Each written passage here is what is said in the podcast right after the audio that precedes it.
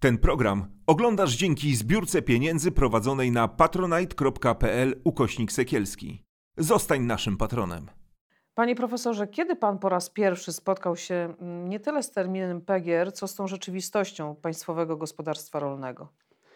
To pierwsze zetknięcia były w latach e, 80., ale one były bardzo przelotne. To znaczy, ja zawsze y, spędzałem, no, prawie zawsze, y, wakacje w kraju. Na rowerze, jeszcze wtedy nie było e, agroturystyki, ale były miejsca, gdzie można było się zatrzymać. Zawsze lubiłem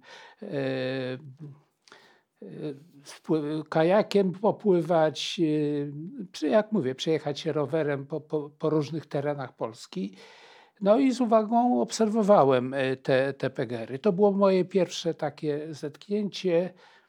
Natomiast w sensie też badawczym, to też lata, y, y, no wczesne lata 80. tak naprawdę, kiedy porównywałem rolnictwo w różnych krajach. A zacząłem tak naprawdę w 75 roku, bo przygotowywałem książkę pod tytułem Współczesna kwestia agrarna. Mhm. I porównywałem, jak y, funkcjonowało rolnictwo, systemy rolne w, w, Innych krajach kilku krajach.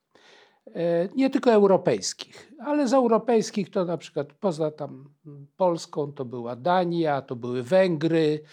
E, pamiętam. Czyli że... też te socjalistyczne e, kraje. Tak, tak, tak, tak, mhm. tak, też, tak. W Związku Radzieckim, ale także na przykład Japonia, Meksyk, Stany Zjednoczone i Izrael, bo interesowała mnie wspólnotowość taka oddolna, spontaniczna. I, i, i wtedy właśnie ty, tym problemem tych, nazwijmy to, kolektywnych gospodarstw się jakoś zająłem. Nawet przygotowałem trochę publikacji na ten temat, bo chodziło mi o to, na ile to są systemy adaptacyjne i czy mają w ogóle szansę. Czy, czy to utopijna jest? Tak, tak.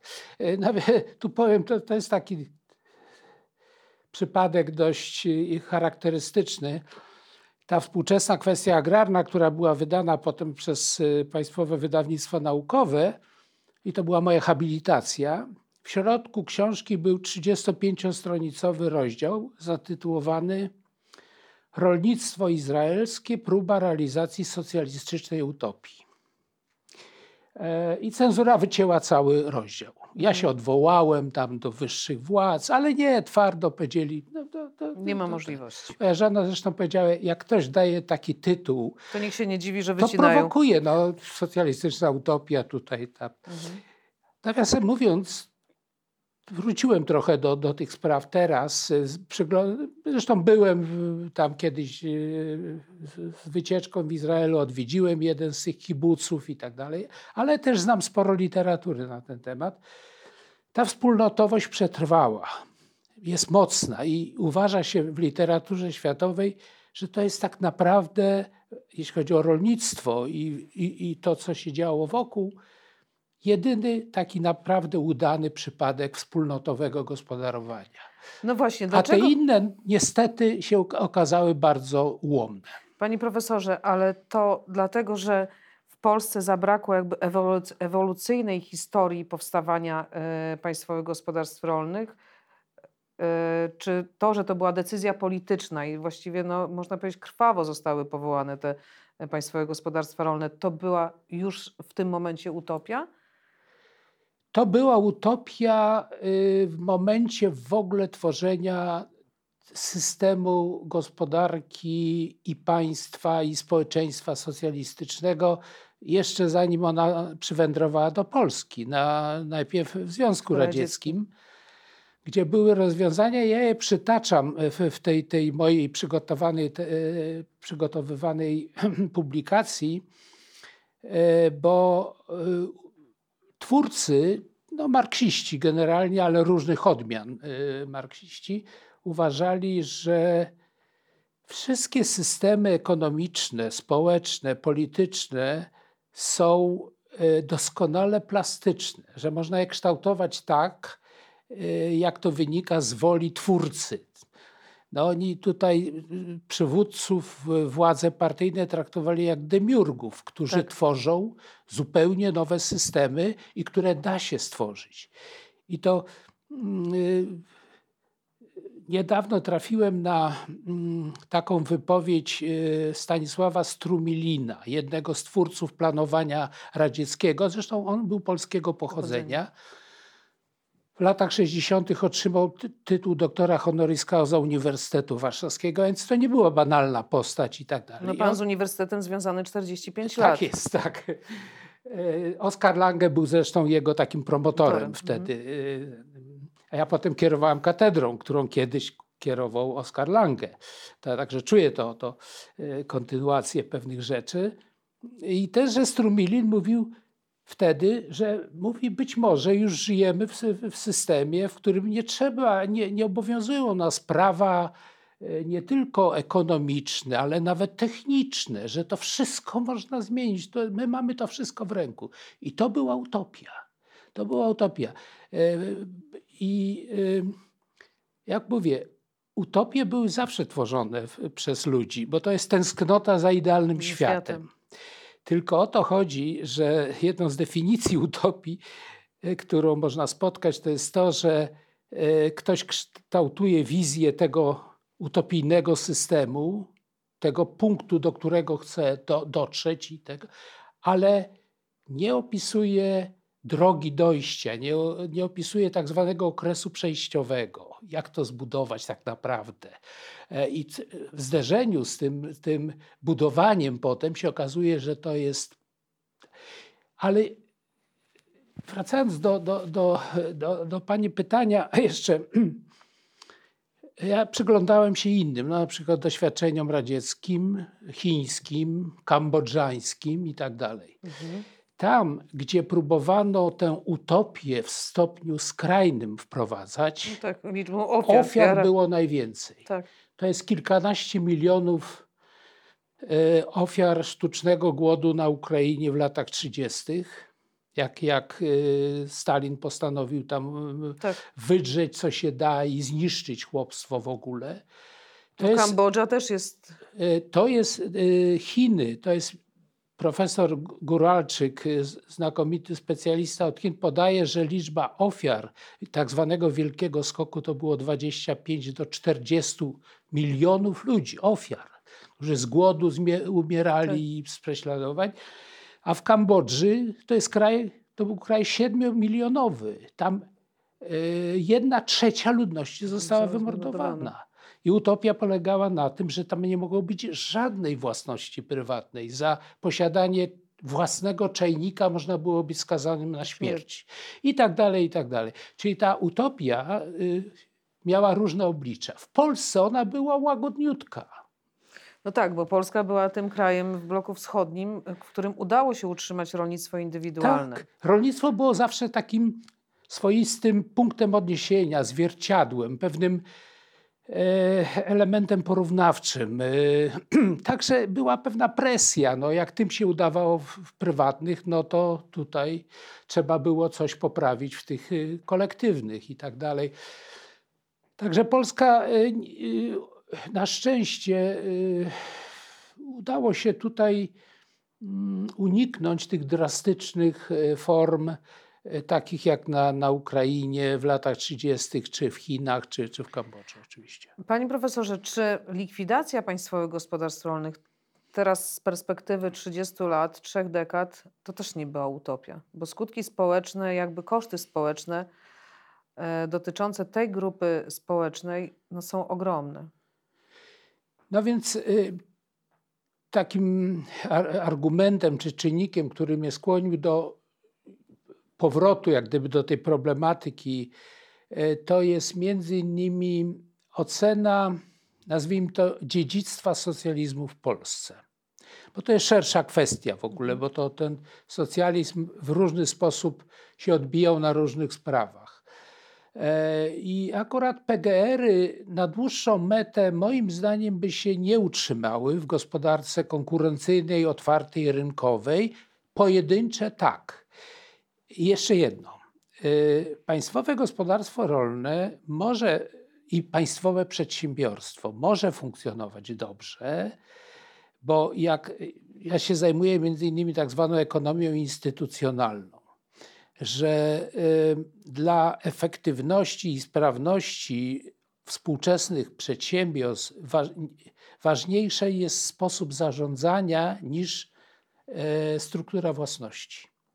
Struktura własności jest rozproszona w korporacjach, są tysiące właścicieli, od menedżerów zależy. Tylko, proszę Panią, jeśli w PGR-ach systemy zarządzania, kierowania, administracji zmieniały się średnio biorąc o 3-4 lata, e, kierownictwo się zmieniało mniej więcej równie często, nie było ciągłości, nie było przewidywalności. Liczba wskaźników dyrektywnych dochodziła do 200 czasami dla jednego PGR-u. No to to nie były możliwości dostosowania Gdyby pozwolić na samodzielność, i w latach 80. już powoli PGR odzyskiwały tę samodzielność. I wiele z nich okazywało się sprawnymi. Bardzo dobrymi gospodarstwami. Tak, tak. sprawnymi świetnie, gospodarstwami świetnie i tak dalej. I yy, tak, żeby odpowiedzieć na Pani pytanie o to, czy, czy ta likwidacja nie była też pewną, pewną nie miała cech utopijnych, to powiem tak, ona w dużym stopniu była motywowana względami e, doktrynalnymi, takimi czy, no do, nazwijmy to doktrynalnymi, pewnym e, konfrontacją nowej doktryny z tą, która dominowała wcześniej. Tu zabrakło tego okresu przejściowego.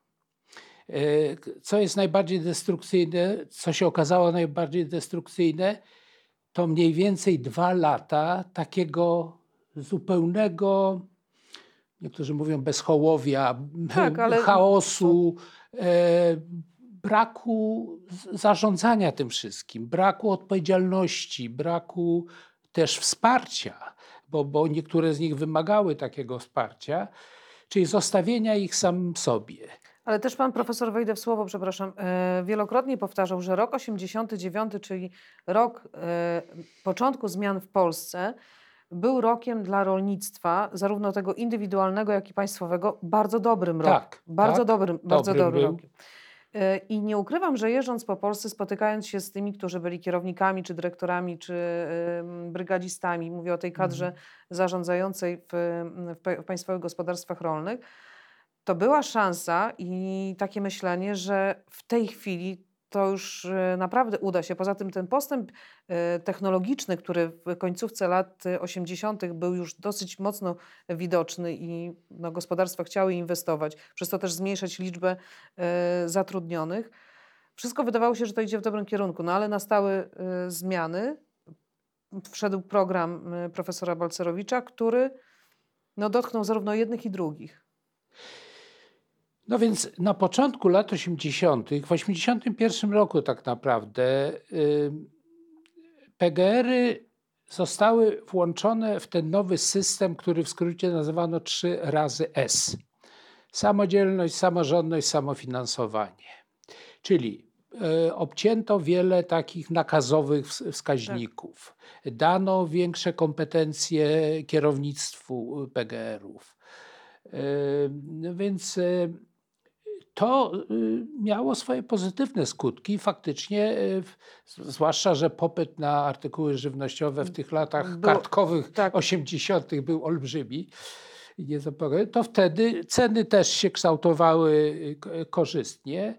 Mm, to powiało nadzieją, krótko mówiąc, dla gospodarstw indywidualnych i dla gospodarstw tych tak zwanych kolektywnych, zwłaszcza PGR-ów. Bo spółdzielnie, tak. to wiadomo, że sobie jeszcze gorzej radziły, no w każdym razie. E, I w tym momencie właśnie dlatego te, ten kontrast i to wspomnienie, że no przecież myśmy wychodzili na prostą. prostą. Zaczęliśmy sobie wreszcie radzić, radzić, układać pewne rzeczy i w pewnym momencie przy pomocy dosłownie jednej decyzji politycznej decyzji? Tak, te, te, te PGR-y e, zostały pozbawione uprawnień, mo możliwości kredytów, e, o pewnej osłony. przecież w roku 90, 91 myśmy nie mieli w ogóle polityki rolnej. Nie mieliśmy polityki wsparcia, Tak. dopiero y, y, w następnych latach zaczęto budować. Wydawało się, bo to była ta ideologia, rynek ma Zdecydować. To, decydować i y, mechanizmy rynkowe mają rozwiązać te problemy. Ale wiadomo, że e, w kraju nawet takim jak Stany Zjednoczone, gdzie, gdzie średnie gospodarstwo ma tam, nie wiem, ponad 500 akrów e, i, jest e, wskaźnik wsparcia dla rolnictwa nie, mniej, nie mniejszy niż, niż obecnie w Unii Unii Europejskiej, Europejskiej. bo tam e, jak spojrzałem ostatnio, to jest 0,5% PKB idzie na wsparcie rolnictwa. To niby nie jest, nie jest e, dużo, ale zważywszy na mm, PKB Stanów Zjednoczonych, wielkość, to są olbrzymie olbrzymie pieniądze. pieniądze. A w Unii Europejskiej to jest 0,6, to prawie to samo. A, a, a Europa uchodzi za wzór rozbudowanego wsparcia dla, dla no tak, rolnictwa. 40% budżetu Unii Europejskiej przekazywanych jest na wsparcie rolnictwa. E, te, teraz 28 już, to spada cały czas. Aż do tego stopnia, panie profesorze? Tak, w najnowszym e, tym projekcie już na te lata 21-27 Tak, nie mówię o, tym, o tej perspektywie, ale to tej, jest którym poniżej będzie 30%. Poniżej, a proszę pamiętać, że był swojego czasu powyżej 70%. No więc dla mnie ten grzech y, transformacji został popełniony na przełomie lat 80. i 90., kiedy nie, nie dano szansy przejścia tego najtrudniejszego okresu przejściowego y, dla, dla tych gospodarstw, które jakoś zaczęły sobie radzić. E, No, efektem tego jest takie poczucie krzywdy. No, dlaczego właśnie? E, Ale z drugiej strony wielokrotnie mi też mówiono czy pytano, no ale przecież e, upadały przedsiębiorstwa państwowe. W Wałbrzychu waliły się ostatnie kopalnie, w, Mielcu tam e, zakłady, które były głównym dostarczycielem miejsc pracy i tak dalej, i tak dalej. Tylko PGR-y miały tę, znaczy różnica polegała na tym, że one funkcjonowały w- środowisku, w którym szanse na znalezienie pracy były bardzo, bardzo ograniczone. To wszyscy wiedzieli. E, I z wielu względów e, ta adaptacja była utrudniona. Na Śląsku czy w Wałbrzychu pojawiły się inne, pojawili się nowi inwestorzy.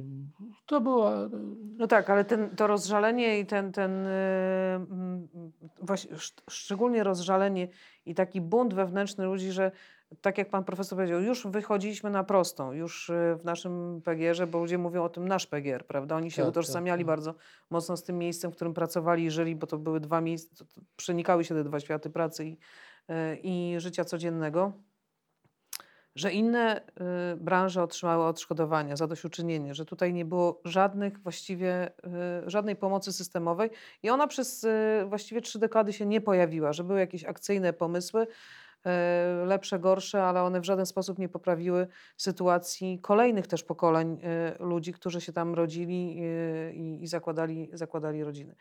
Pan profesor to doświadczenie, o którym mówił Pan we wstępie naszej rozmowy lat 80., e, kontynuuje badając tą, tą społeczność, bo te Tak. badania prowadził Pan też na początku lat 90. Tak. Mm, No i Pan wraca do, do, do tej historii, za co bardzo dziękuję. Nawiasem mówiąc, ten projekt badawczy, który realizowałem na początku lat 90., nosił znamienny tytuł Ginący świat PGR-ów. E, Dla, dlaczego? Dlatego, że to pani doskonale też wie, że PGR-y to nie były pojedyncze, y, nazwijmy to, jednostki gospodarcze, gospodarstwa rolne i tak, przetwórcze, także one Tak. wiadomo. Ale to były społeczności. To było 6 tysięcy osiedli PGR-owskich. Ponad 6 tysięcy, w których żyło ponad 2 miliony ludzi, Ludzi. tak naprawdę. E, I PGR-y to było miejsce pracy, to było miejsce zamieszkania, Edukacji to było często. źródło y, wsparcia socjalnego, to były przedszkola, to były, y, to były wodociągi, to były no, ró- różne przystanek autobusowy, świetlica, Sklep. czasem, czasem kawiarnia. Y, To był świat ich. Ludzie żyli w tym świecie. I to upadło. Czyli nie tylko upadło przedsiębiorstwo, ale te inne rzeczy. No to, to widziałem, no te pozamykane y, dawne kluby ruchu, zlewnie mleka, sklepy, które tam gdzieś istniały, te y, y, budynki y, gospodarcze, hodowlane, tam gdzie były kiedyś krowy, albo, albo tuczniki, albo jakieś inne zwierzęta gospodarskie. I, czyli krótko mówiąc, ten świat się walił cały. Y, I to są takie momenty y, w historii traumatyczne generalnie. T- Jednym z takich wątków badawczych, który tutaj pasuje, to jest stopień źródła i przebieg tego, co się nazywa traumą społeczną. No właśnie. E, Dla wielu ludzi to było y, przeżycie traumatyczne, to znaczy z wielu względów traumatyczne. E, Część z nich poradziła sobie. E, Patrząc na, na grupę y, i y, mówiąc już językiem ekonomistów, na, na procent, ilu sobie poradzi, to jest wciąż niewielki, prawda? Tak, wie pani, to ciekawe, bo jak w tych latach 90. na początku jeździłem do tych osiedli i myśmy zrobili tam chyba ze 360 ankiet. To nie, nie mało. Jak na rejon y, y, warmińsko-mazursko-podlaski, bo w tym rejonie robiliśmy te, te badania, to w dużej części tych osiedli okazywało się, że prawie połowa tam mieszkających byłych pracowników była już na emeryturze bądź rencie. Dlaczego? Dlatego, ale to byli często 50-letni Tak. ludzie i tak dalej. Bo je- jednym z takich y, posunięć, które miało tam ułatwić im jakość życia, żeby na te wcześniejsze, Wcześniejsze emerytury. emerytury. tak. I oni się załapywali za to. No to dawało im jakieś tam źródło takiej egzystencji na bardzo takim niskim poziomie, a jeszcze jak ktoś chciał, tam coś uprawiał, y, mały ogródek i miał tam parę kur. I, No chodziło o to, że tam na wsi tak, musi przeżyć. Żeby, przeżyć. E, I to, y, to między innymi jeszcze jakoś ich ratowało. Natomiast to pokolenie młodsze i, i średnie miało kłopot, bo w pobliżu nie było miejsc pracy, a w kraju było wtedy, kiedy ja robiłem te badania, 20% stopa bezrobocia. A tam, gdzie, gdzie te osiedla się w większości 40 mieściły, 26, 30%. Tak, byłam w takiej gminie na Dolnym Śląsku, gdzie bezrobocie było w latach 90., w połowie lat 90., tak. ponieważ była to gmina stricte pegierowska, 40% bezrobocie. po tak. prostu nie, nie do wyobrażenia. Tak. A Dolny Śląsk nie jest jeszcze tutaj Tak. najgorszej Mm. sytuacji. On sobie dość szybko zaczął radzić. E, Najgorzej było w tych rejonach właśnie północo, e, północnych i, i zachodnich. E, To, to, czyli krótko mówiąc, w kraju było to bezrobocie bardzo wysokie, a w, tym, w tej okolicy było no, Dramatycznie wysokie. drastyczne, drastyczne. Także to jest, o tym trzeba pamiętać. Jak kiedyś właśnie spojrzałem na taką mapkę, która pokazuje odsetek ludzi korzystających z zasiłków y, socjalnych różnego rodzaju sprzed paru lat. To, jest, to są lata już y, tak Nowego powiem, wieku. t- Tak, XXI wieku. To ciągle w tych rejonach popegorowskich ten odsetek jest znacznie wyższych, wyższy y, nawet kilkakrotnie w niektórych powiatach. Także krótko mówiąc, ta pieczątka jest ciągle widoczna, że tak powiem, ta taka dość y, no, bolesna skądinąd, Y, ale też jest, jest sporo, sporo takich pozytywnych przykładów, że ludzie, ludzie są, Polacy są w dużym stopniu zaradni. Y, To znaczy potrafią na przykład to, że w covid jakoś sobie radzą, to ta zaradność, no, musieli sobie radzić w bardzo trudnych okolicznościach, poczynając od wojen, poprzez okres Komuny. socjalistyczny, komunistyczny, transformacji właśnie tego dostosowania te łóżka na targowiskach Szczęki, rozkładane, tak. tak, szczęki i tak dalej. No i na tym budowali, ale to, to się głównie koncentruje w tym drobnym takim tej drobnej przedsiębiorczości, mikroprzedsiębiorstw i małych przedsiębiorstw. Natomiast ciągle z tym większym sobie nie radzimy, ale to jest inna historia już. Pan e, prowadząc, panie profesorze, swoje prace badawcze, e, spotkał się z rodziną, z która zamieszk zamieszkuje, tak? Tak. Były tak, Państwowe tak. Gospodarstwo Rolne, to są okolice Olecka. Tak. Już zaczęło się od pracy badawczej, jest przyjaźń, bo to już przez lata. Tak, tak, tak. Bo to. Y, to wynikało z tego, że pojechałem wtedy y, tam y, z żoną, która prowadziła takie też badania na temat y, zaangażowania trochę w kulturę. Pracowała w Instytucie Kultury i no i właśnie ktoś wskazał, że ta osoba w tym bloku pegerowskim coś pisze, jakieś wiersze nawet pisze. No i tak, tak się zaczęło, że tak powiem. I potem, jak mówię, to, to trwa 25 lat, także to jest, jest długa już historia. Utrzymujemy regularne takie kontakty. Odwiedzaliśmy zresztą y, kilkakrotnie. Trochę pomagaliśmy w tym takim najcięższym, zwłaszcza dzieciom. Y, w szkole tam jakieś tam, żeby mogli sobie poradzić z paroma sprawami i I muszę powiedzieć, że niedawno, jak dostaliśmy tam relacje o kolejnych y, sukcesach dzieci, y, no to, to jesteśmy pod wrażeniem, bo to jest czwórka dzieci. Y, mąż zmarł dawno. Musiała sobie z tym jakoś radzić. Te dzieci zaczynały tak jak wiele tych, jakieś szmateksy zakładały, gdzieś tam trochę w budownictwie. Córka na szczęście dostała stypendium w ramach tego programu trochę tańskiego, pegerowskiego, ale też Jana Pawła II, to jest stypendia dla, tak. dla dzieci. Skończyła studia, no i teraz funkcjonuje zupełnie przyzwoicie. Jeden ma jakąś tam firmę budowlaną, drugi ma y, handlową, trzeci gdzieś w Belgii pracuje i nawet jakiś tam do remontu dom kupił i, i się zakorzenił i tak dalej. E, też podziwiamy taką aktywność. Mamy wspaniałą kolekcję takich rękodzieł, nazwijmy to tej osoby, która e, przygotowuje takie super e, kartki pocztowe, takie z życzeniami, przepięknie zdobione. Zrobiłem wystawę w Pałacu Staszica kiedyś. Bardzo się to ludziom podobało. Mamy całą skrzynkę tego. Kiedyś zresztą jakoś spróbuję to upowszechnić. No i to jest przykład.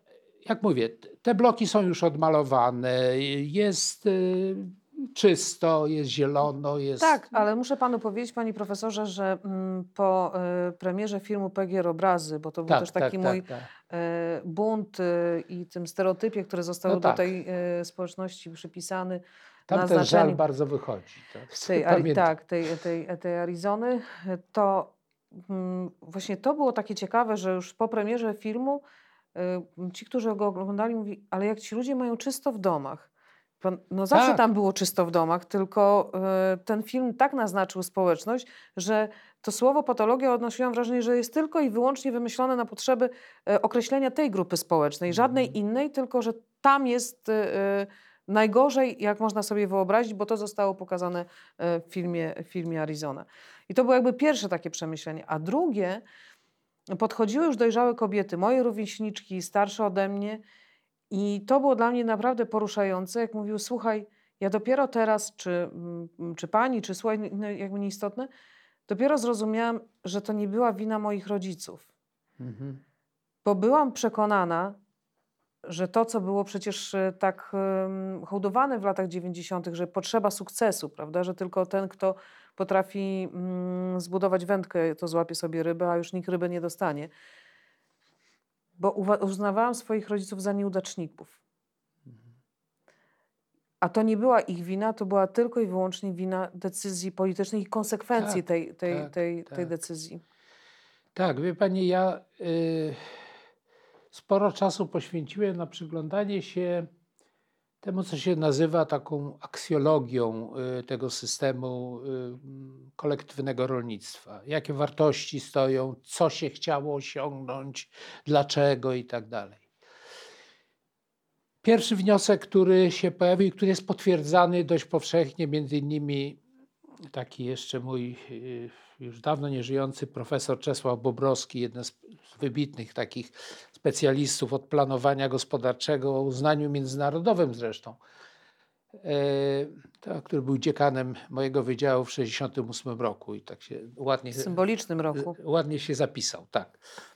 E, To on powiedział tak, modernizacja, tak zwana modernizacja komunistyczna czy socjalistyczna była nakierowana w sposób jednoznaczny na industrializację.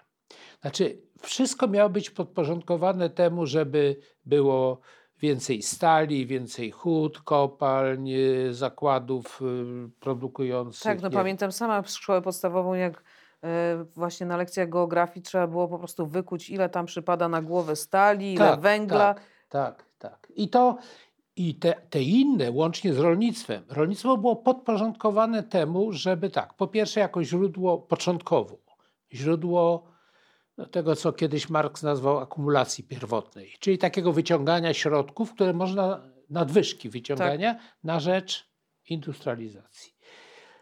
I to rolnictwo było wtedy ważne, kiedy potrzebne było, no, żeby tych, e, tych, e, te uprzemysłowione sektory wyżywić, żeby, żeby zapewnić spokój społeczny także, E, no, żeby ta, ta nowa huta mogła funkcjonować, żeby, żeby te zakłady zbrojeniowe mogły. No i wtedy zwracano uwagę na rolnictwo, ale nie, żeby to była priorytetowa dziedzina. Nie, ona miała zaspokajać potrzeby przede wszystkim wykarmienia tych indu- industrializatorów, nazwijmy Mhm. to, i tak dalej, i tak dalej. I wtedy, i stąd to, to co pani powiedziała, y, ludzie musieli sobie poradzić w tym systemie jakoś. Y, No przecież to, to, to, to my znamy, y, te, jak to y, przebiegało. No, no ludzie tam wyciskali z tych, tych małych swoich ogródków przy, przy, przydomowych czy, czy przy, przyzagrodowych, jakbyśmy to dzisiaj nazwali. E, Szukali tego, no, dostawali jakieś tam podstawowe deputaty i tak dalej, ale początki były dramatyczne. Ja niedawno trafiłem na bardzo interesującą książkę e, dotyczącą e, mm, rozwoju wsi na Warmii i Mazurach e, do 56 roku. Taka książka zresztą bardzo, bardzo dobrze przez historyka napisane. I muszę powiedzieć, jak, no, no, op- oparta na super bogatych dokumentach. Jak on opisuje te początki PGR-ów tworzone już zaraz po wojnie, w 55-6 roku, no, gdzie ci pracownicy ściągani, no, żeby tam to jakoś Tak. wycisnąć coś z tej ziemi, w stodołach, e, w budynkach, gdzie nie było okien, drzwi, gdzie było tylko pościel, to była słoma, gdzie y, pojawiały się protesty, bo, bo y, kierownictwo nie zapewniało nawet zwykłego takiego chleba y, dobrze zmie- zmielonej mąki, y, ziarna i tak dalej, tylko jakieś takie no, prawie dla, jak dla zwierząt y, pokarmy i to. Oni żądali takich no, super elementarnych rzeczy i, ten, i potem dopiero się pojawiły w kontraktach i on przytacza między innymi, że ten PGR-owiec, y, który podpisywał umowę o pracę, no to tam był takie, że będzie miał pomieszczenie, w którym będą okna i drzwi. Drzwi. No i, a, jeszcze podłoga będzie. No bo to, to, to o to chodziło w tym, w tym czasie. I, I to przecież było zniszczone, przeszabrowane i tak dalej. Także to, co się potem działo po kolei, to, to warto prześledzić, bo to, to jest kawał naszej historii przede wszystkim. Poza tym dla, dla mnie jako przedstawiciela nauk społecznych to jest takie bardzo ciekawe doświadczenie systemowo-rozwojowe e, i pokazuje granice pewnych eksperymentów społecznych. E, eksperymenty PGR były takim swoistym eksperymentem. E, I, I, dlaczego one no nie, w pewnych rzeczach nie mogły wyjść, że tak powiem. Teraz jak, jak patrzę na to, co się dzieje w naszym kraju, gdzie się próbuje nacjonalizować i upaństwawiać coraz więcej, da? to też jestem pełen obaw zresztą. Jak pan podchodzi do, do właśnie, z jednej strony, strony mówimy o tym, że to jest utopijna wizja, e, to była utopia tworzenia państwowych gospodarstw rolnych w tak, e, e, w tak szybkim, w szybkim tempie.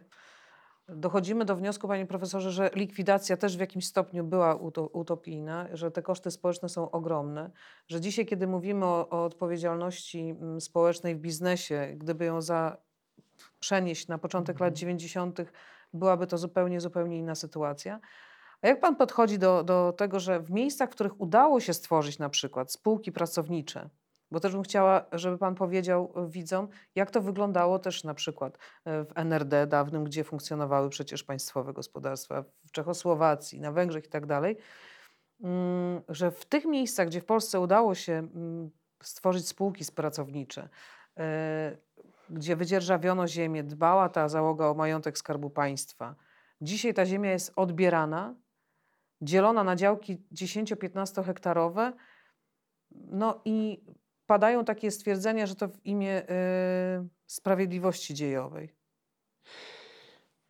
Y, po pierwsze, jestem y, przeciwnikiem tego, co się dzieje właśnie w, tym, w tej sferze, o której Pani wspomniała, że duże towarowe gospodarstwa, które no mają tam powiedzmy ileś na własność tych hektarów, ale drugie tyle albo więcej dzierżawią, nagle z dnia na dzień otrzymały jak gdyby żądanie y, zwrotu 30% dzierżawionej ziemi. Tym bardziej, że w latach 1997 roku 20% już oddano na rzecz Rozmawiałem z menedżerami ta, takich dwóch spółek, którzy mówili, no przecież myśmy zainwestowali w to, żeby to dobrze tego. Zatrudniliśmy ludzi do tego, mamy zobowiązania kredytowe, mamy tam inne jeszcze o dostawy i tak dalej. I nagle nam się to. E, tu znowu się odzywa doktryna, to znaczy taki motyw polityczny. Znaczy, u nas się mówi tak, rolnictwo ma być oparte na gospodarce rodzinnej, czyli gospodarstwach rodzinnych tak zwanych. Tylko nikt nie zadał pytania, a co to jest gospodarstwo rodzinne w XXI wieku w, w Europie albo w Stanach Zjednoczonych? To, to ja wtedy odpowiadam. Gospodarstwo rodzinne autentycznie może mieć 500, a nawet 1000 hektarów. Jeśli to jest. Ja może trzeba wprowadzić wielorodzinne, bo przecież w takich dużych e, gospodarstwach, gdzie jest spółka pracownicza, zatrudnionych jest właściwie kilkadziesiąt rodzin. Nie, nie, to jasne, ale mówię nawet jeśli to, to ma być definicję rodzinne. Tak, czyli to, no, ja, gdzie ja, u nas do 300 hektarów ona jest. Wie pani, ja trzy lata spędziłem w Stanach Zjednoczonych na, na uczelniach, ale w tym zajmujących się sprawami rolnictwa także i tam odwiedzałem takie typowe rejony typu Iowa, tam Illinois, mieszkałem w Indianie, Ohio i to jest ten Midwest, gdzie jest te, te wielkie gospodarstwa i tak dalej. Pamiętam farmera, który miał 1200 akrów chyba, to, to jest tak ponad 500 hektarów i on to uprawiał razem z dwoma synami. On mówi, E, to, to była roślinna, e, roślinne gospodarstwo. Oni nie mieli jakiejś tam hodowli, ale on mówi, do pewnych rzeczy ja wynajmuję wyspecjalizowane spółki, które mi to zrobią, bo one to zrobią szybciej, lepiej. Ja nie muszę mieć tych maszyn, bo po co? I tak dalej. My sobie dobrze radzimy z, z tym wszystkim. E, Sieć kooperatyw po prostu. Tak, tak. To, to jest to. No właśnie. E, Natomiast wracając do naszych tych, tych, tych przypadków, już teraz z naszych badań, które robimy i przecież te raporty co drugi rok publikujemy i ja współpracuję z wieloma naprawdę dobrymi analitykami tych, tych, kwestii. Jeśli to jest takie wielostronne gospodarstwo, nie jakoś bardzo wyspecjalizowane, no ma i hodowlę, i produkcję roślinną tam, to ono musi mieć no, około 50 hektarów, żeby funkcjonować jako tako. E, to już nie jest 5 hektarów, że wystarczy dla gospodarstwa rodzinnego. Nie, to jest 50, a za kilka lat pewnie okaże się, że to jest 70, a może i 100, e, jako taka podstawa. Ale też gospodarstwo rodzinne, jak mówię, może mieć i 500 hektarów i spełniać te wymogi. Bo kierownictwo należy do tego, własność należy do rodziny, e, najważniejsze decyzje są podejmowane w ramach rodziny. W okresach sezonowych można zatrudnić paru pracowników do czegoś tam, ale to jest normalne. No to tak jakby pan profesor zgadzał się z rządem, że, który powtarza, że jest głód ziemi i że trzeba powiększać gospodarstwa. Yy... Głód ziemi? Wie pani, jest w Polsce popyt na ziemię cały czas. Yy, wystarczy pojechać tam, gdzie ziemi najbardziej brakowało. Do Małopolski, Rzeszowszczyzna i tak dalej i zobaczy Pani łatwo, co trzeci, czwarty kawałek ziemi jest nieuprawiany i to od lat nieuprawiany. Te paski ziemi, no, tu jeden zaorany, a tak, trzy obok już zarastają chwastami. E, I, I, na tym polega głód ziemi, ale wydrzeć i skomasować tę ziemię jest nie sposób.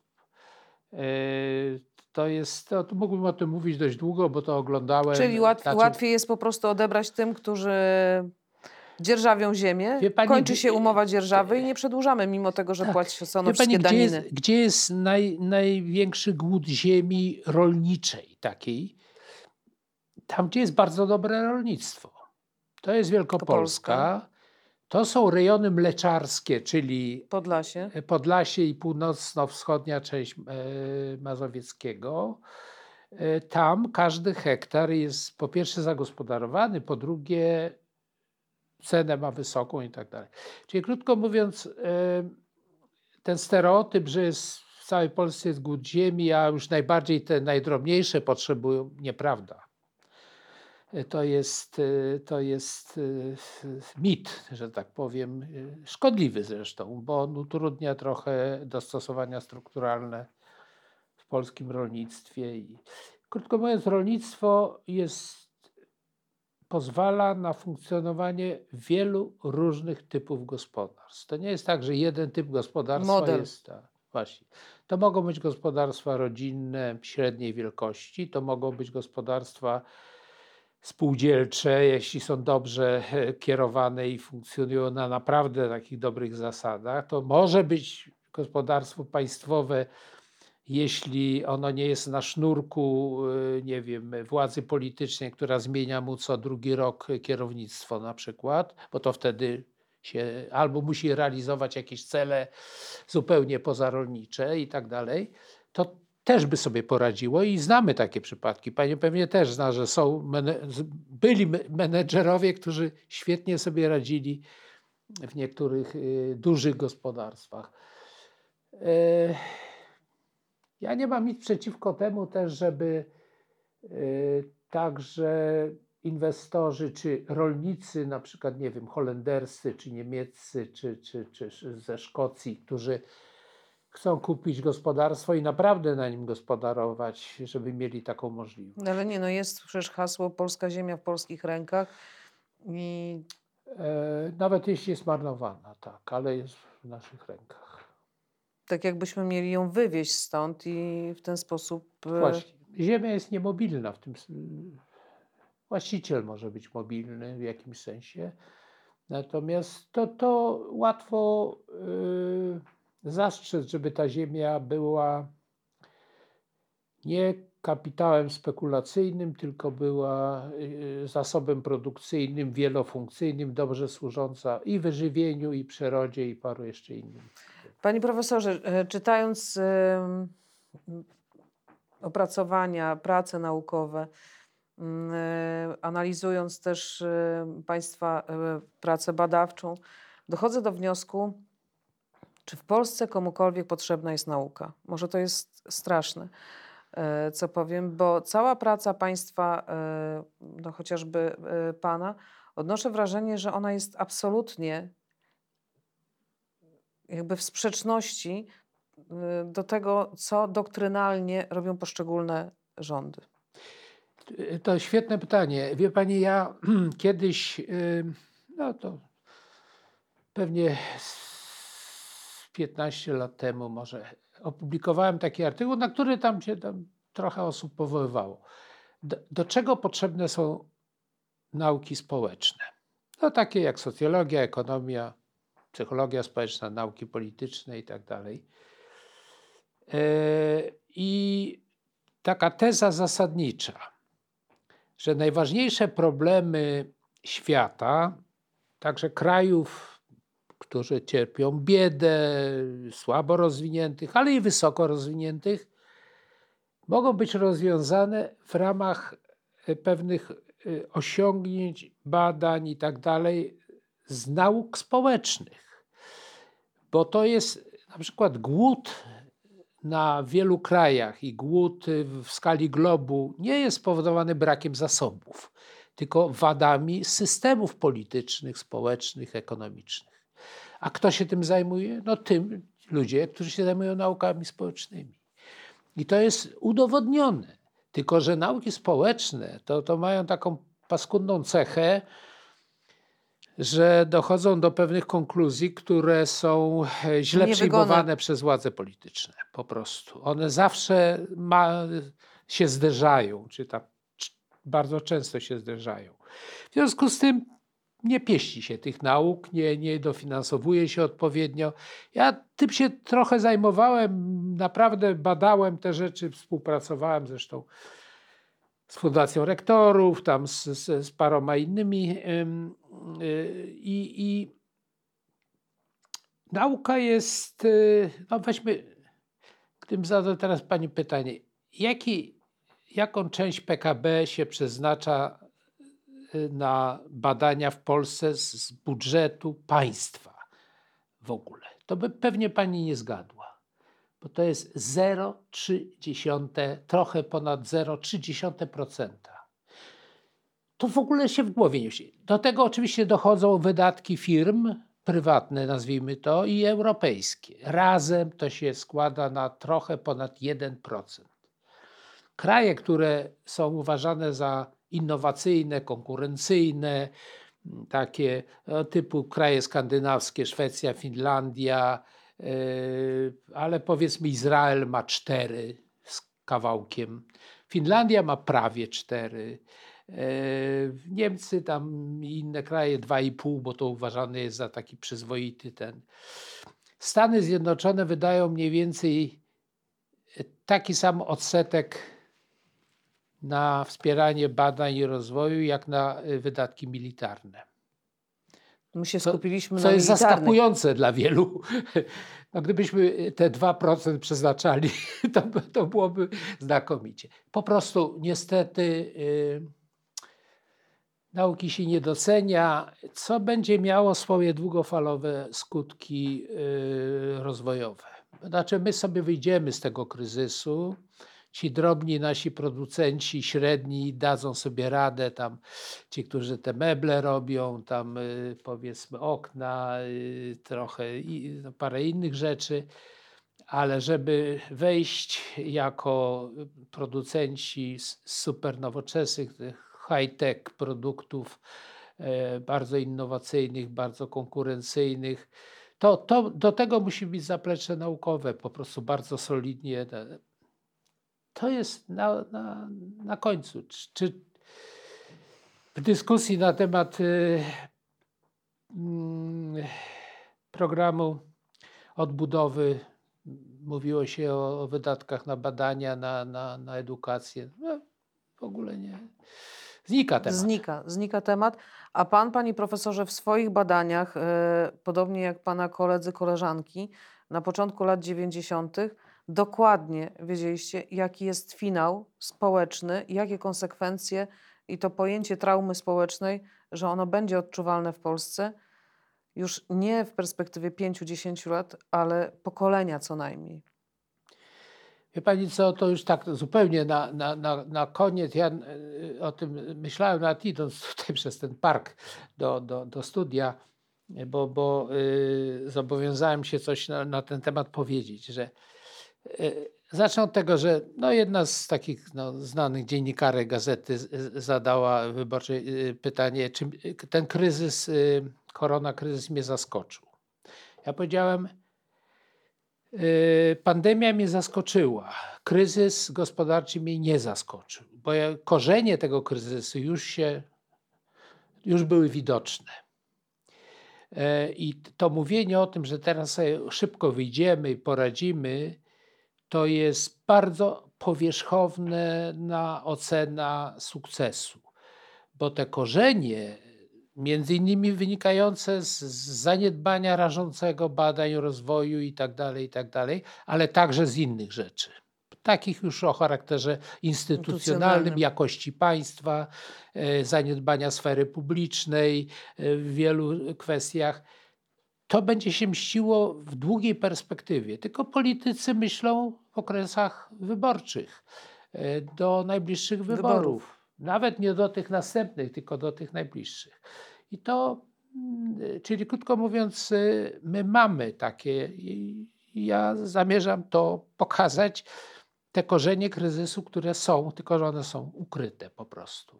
Ale to nie jest wielką sztuką, żeby je odsłonić. No. No dziś e, w obronie nauki i pracy naukowców no na pewno e, staje technologia, która jest takim sprzymierzeńcem, bo to, e, co Państwo robią, no jest szybciej widoczne w przestrzeni publicznej.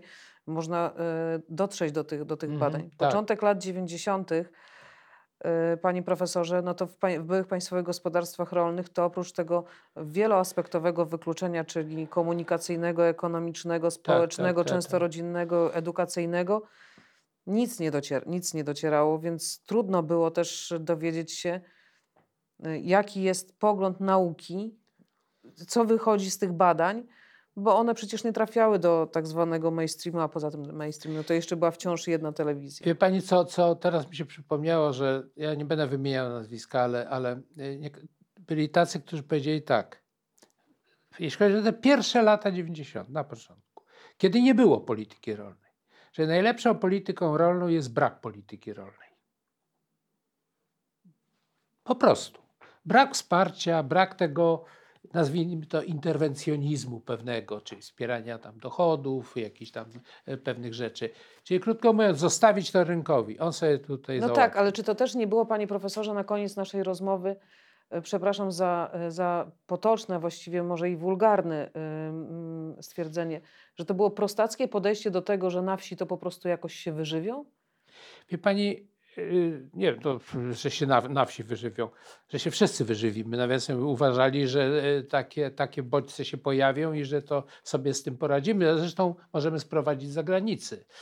Y, ja y, mógłbym teraz wymienić nazwisko ekonomisty, który potem pracował w, w, w zagranicznych zresztą instytucjach, który mówił, że w Polsce powinno się w zasadzie zlikwidować rolnictwo, bo ono jest absolutnie wydajność jego... To jest pan profesor tajemniczy, bo to już drugie nazwisko, którego pan nie tak, ujawnia. to jest drugie. Nie, nie, nie chcę tutaj, bo to, to jest... Y, I napra- on napisał to. to. To nie jest tak, że mi mówił czy coś, to no, opublikował to, mhm. tę, tę sprawę.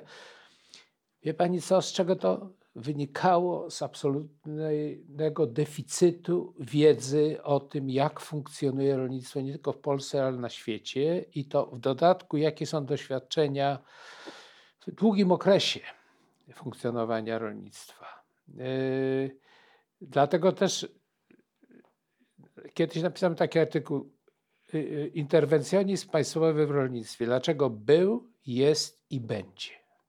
I utrzymuję to w pełni i ci, którzy się przyglądają, to wiedzą, że to jest potrzebne. To, to nie jest wcale jakieś są fanaberie albo coś destrukcyjnego, albo tylko politycznego. Nie. To, to ma swoje, to jest pewna komplementarność mechanizmów regulacji po prostu.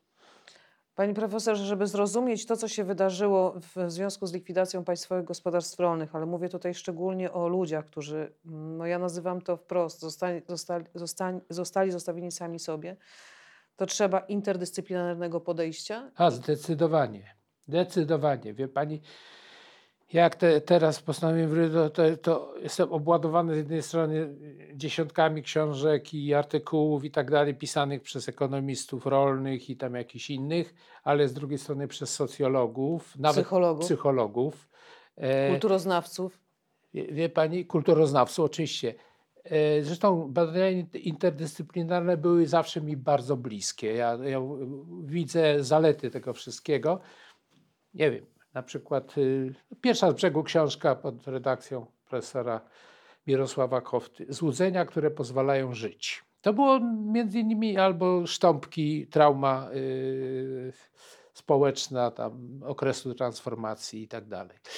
E, Trzeba zaglądać do tych książek, bo wtedy łatwiej zrozumieć, y, dlaczego pewne mechanizmy y, się sprawdzają, inne się nie sprawdzają, dlaczego y, pewna polityka jest nieskuteczna, destrukcyjna, a inna pomaga. No bo tylko, że wie pani, teraz jest badania interdyscyplinarne wbrew pozorom są bardzo trudne i nie są tak powszechnie uprawiane.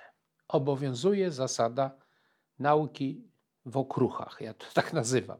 Masz być wąsko wyspecjalizowany, pisywać w super wąsko dyscyplinowych czasopismach, one są wysoko punktowane, bo to, to oni żyją we własnym tym i tak się No nawz- i żeby być za, nawzajem tak, cytują. zarażonym chorobą grantozą, czyli tak, granty. Tak, tak, to jest punktoza, grantoza i paru jeszcze innych, parę innych dolegliwości. No tak, tak, tak to wygląda z punktu widzenia także mojego. y, y, No ale my czekamy, panie profesorze, na tą y, monografię, tak, dotyczącą byłych państwowych gospodarstw rolnych. No, to, to I też trochę- się cieszę, że, że y, te Pana działania, Pana praca naukowa w jakiś sposób y, pozwalają też pozbyć się tych stereotypów y, i tych kal, które zostały tej społeczności przypisane Mhm. przez tyle lat. Trudno, y, żeby... Właśnie, tak, bo to, to jest e, e, jak gdyby przyklejono, no to była pewna e, stygmatyzacja grup społecznych. E, No jak się przyjrzeć bliżej, to, to absolutnie nieuzasadniona, albo Wygodna, potrzebna politycznie? Yy, Wie pani, ona może nawet mniej, po, troszeczkę politycznie, po to, żeby tę enklawę zlikwidować. To, to politycznie było użyteczne, ale wygląda, często wynikała z nonszalancji i niewiedzy. Po prostu. Te dwie rzeczy chyba są równie ważne jak, jak te interesy polityczne. Dziękuję serdecznie panie profesorze za wizytę Miło i mi porozmawiać Dziękuję. zawsze. Ten program oglądałeś dzięki zbiórce pieniędzy prowadzonej na patronite.pl ukośnik sekielski. Zostań naszym patronem.